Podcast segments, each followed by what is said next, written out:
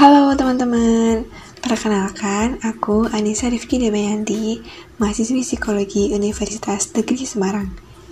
Di podcast pertamaku ini, aku akan membahas mengenai workaholic versus hard worker. Nah, kira-kira teman-teman udah tahu belum sebenarnya teman-teman ini workaholic ataukah hard worker sih? Uh, soalnya perbedaan antara keduanya itu sangatlah tipis loh. Mungkin sebagian dari kita hampir tidak bisa membedakan workaholic dan juga hard worker. Oke, okay, daripada teman-teman kepo nih, langsung aja yuk. Pertama, aku akan membahas mengenai workaholic. Disimak ya teman-teman.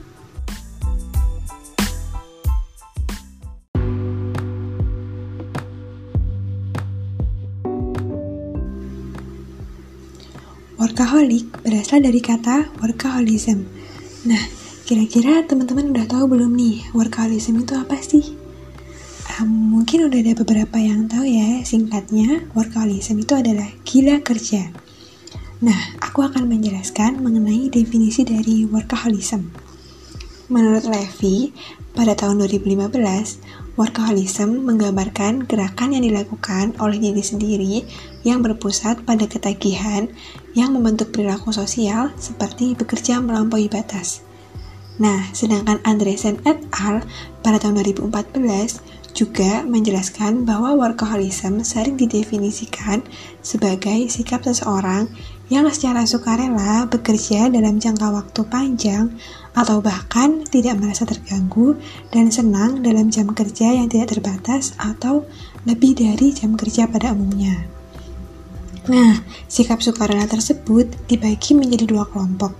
Yang pertama, ada pihak yang merasa benar-benar nyaman dan tidak terganggu dengan sistem kerja lembur dengan harapan passion yang mereka miliki dapat mencapai hasil kinerja dan keuntungan yang maksimal. Yang kedua, ada pihak yang memandang workaholism sebagai tekanan mental, paksaan untuk bekerja keras, kurang memiliki rasa tertarik, dan tidak mendapatkan kesenangan atas hasil yang didapatkan atau disebabkan oleh tuntutan keadaan bahkan orang lain.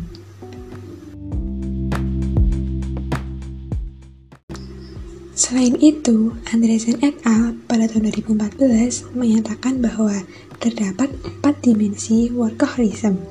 Apa aja sih keempat dimensi tersebut? Nah, yang pertama ada kompulsif tendensi atau kecenderungan melakukan pekerjaan atau hal-hal terkait kegiatan bekerja secara berlebihan. Yang kedua, self-control atau pengendalian diri. Yang ketiga, impaired communication atau kesulitan dalam melakukan komunikasi secara personal. Keempat, inability to dedicate atau minimnya kemampuan untuk mendelegasikan tugas pada orang lain. Nah, yang terakhir, adanya self-esteem atau memiliki harga diri yang tinggi. Nah, dari penjelasan tadi, udah dapat dipahamin kan ya gambaran workaholism secara umum.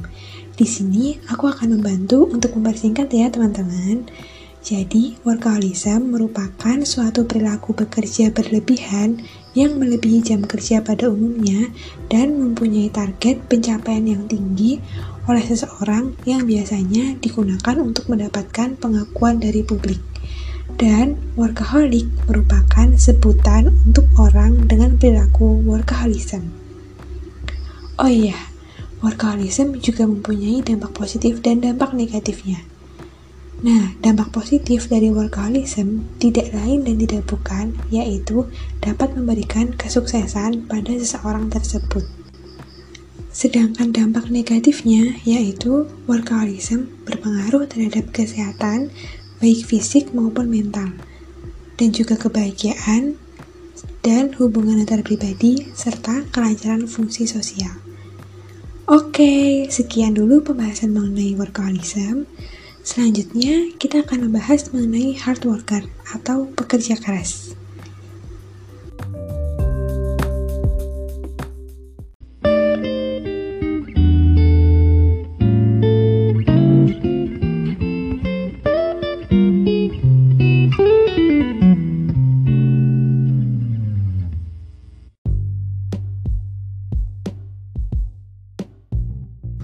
Menurut Kesuma dan kawan-kawan, pada tahun 2011, Kerja keras adalah suatu upaya yang terus dilakukan dalam menyelesaikan pekerjaan yang menjadi tugasnya sampai tuntas.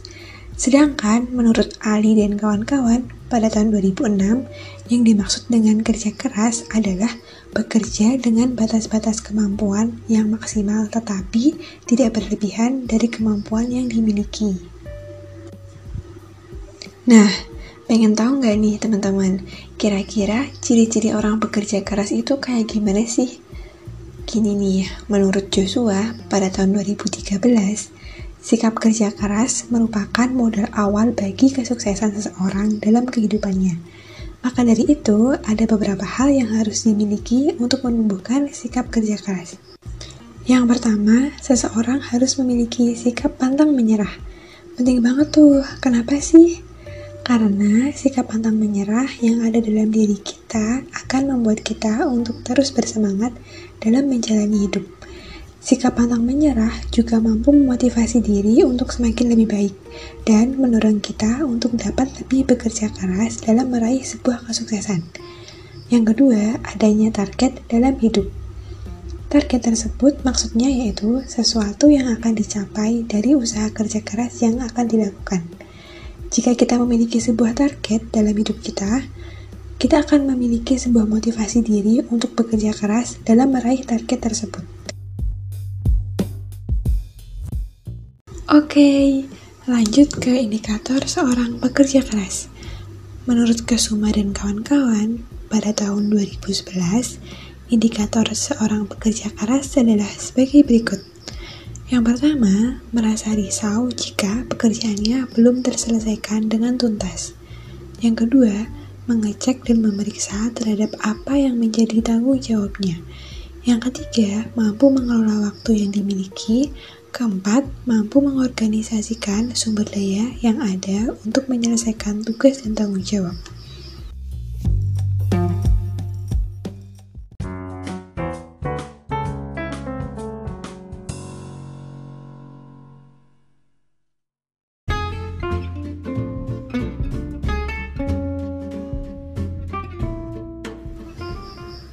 Oke, okay, sepertinya cukup ya penjelasan mengenai workaholism dan juga hard worker.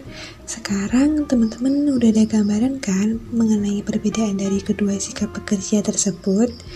Nah, jadi tuh kalau workaholic bawaannya cuma mau kerja kerja kerja mulu uh, dorongan kerjanya itu berasal dari harapan besar untuk mempunyai kuasa dan kontrol dalam perusahaan, serta ingin mendapatkan pengakuan dari publik atas kesuksesan bekerja.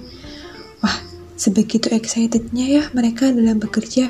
Sampai-sampai nih, mereka akan menghabiskan waktu untuk bekerja, bahkan sampai merasa bersalah kalau waktunya itu nggak dihabiskan untuk bekerja.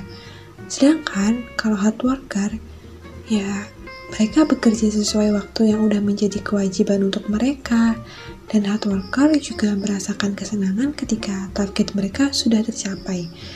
Nah, seorang workaholic nih gak bisa tuh merasakan kesenangan-kesenangan yang seperti dirasakan oleh hard worker. Workaholic juga sampai menghabiskan waktu liburannya untuk bekerja. Pokoknya tuh obsesinya hanya seputar pekerjaan gitu. Bahkan mereka nggak bersosialisasi dengan orang-orang yang tidak berhubungan dengan pekerjaannya.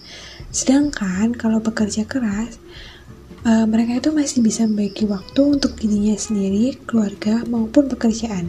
Namun, tanpa disadari nih, sekarang perlahan banyak pekerja yang mulai candu dengan pekerjaannya. Hmm, padahal kecanduan itu bisa berdampak psikologis loh, seperti obsessive compulsive disorder atau OCD, dan juga kecemasan, bahkan bisa menyebabkan depresi. Maka dari itu, yuk teman-teman mulailah memperhatikan jam kerja kalian. Kalau bekerja, sebisa mungkin jangan melampaui batas waktu kerja ya. Sayangilah dirimu, keluarga, dan juga orang-orang di sekitar kamu. Oke okay, teman-teman, sekian penjelasan dari aku. Terima kasih sudah mendengarkan. Stay tune untuk podcast-podcast dari aku berikutnya ya. Jaga kesehatan, jangan lupa makan. Bye bye.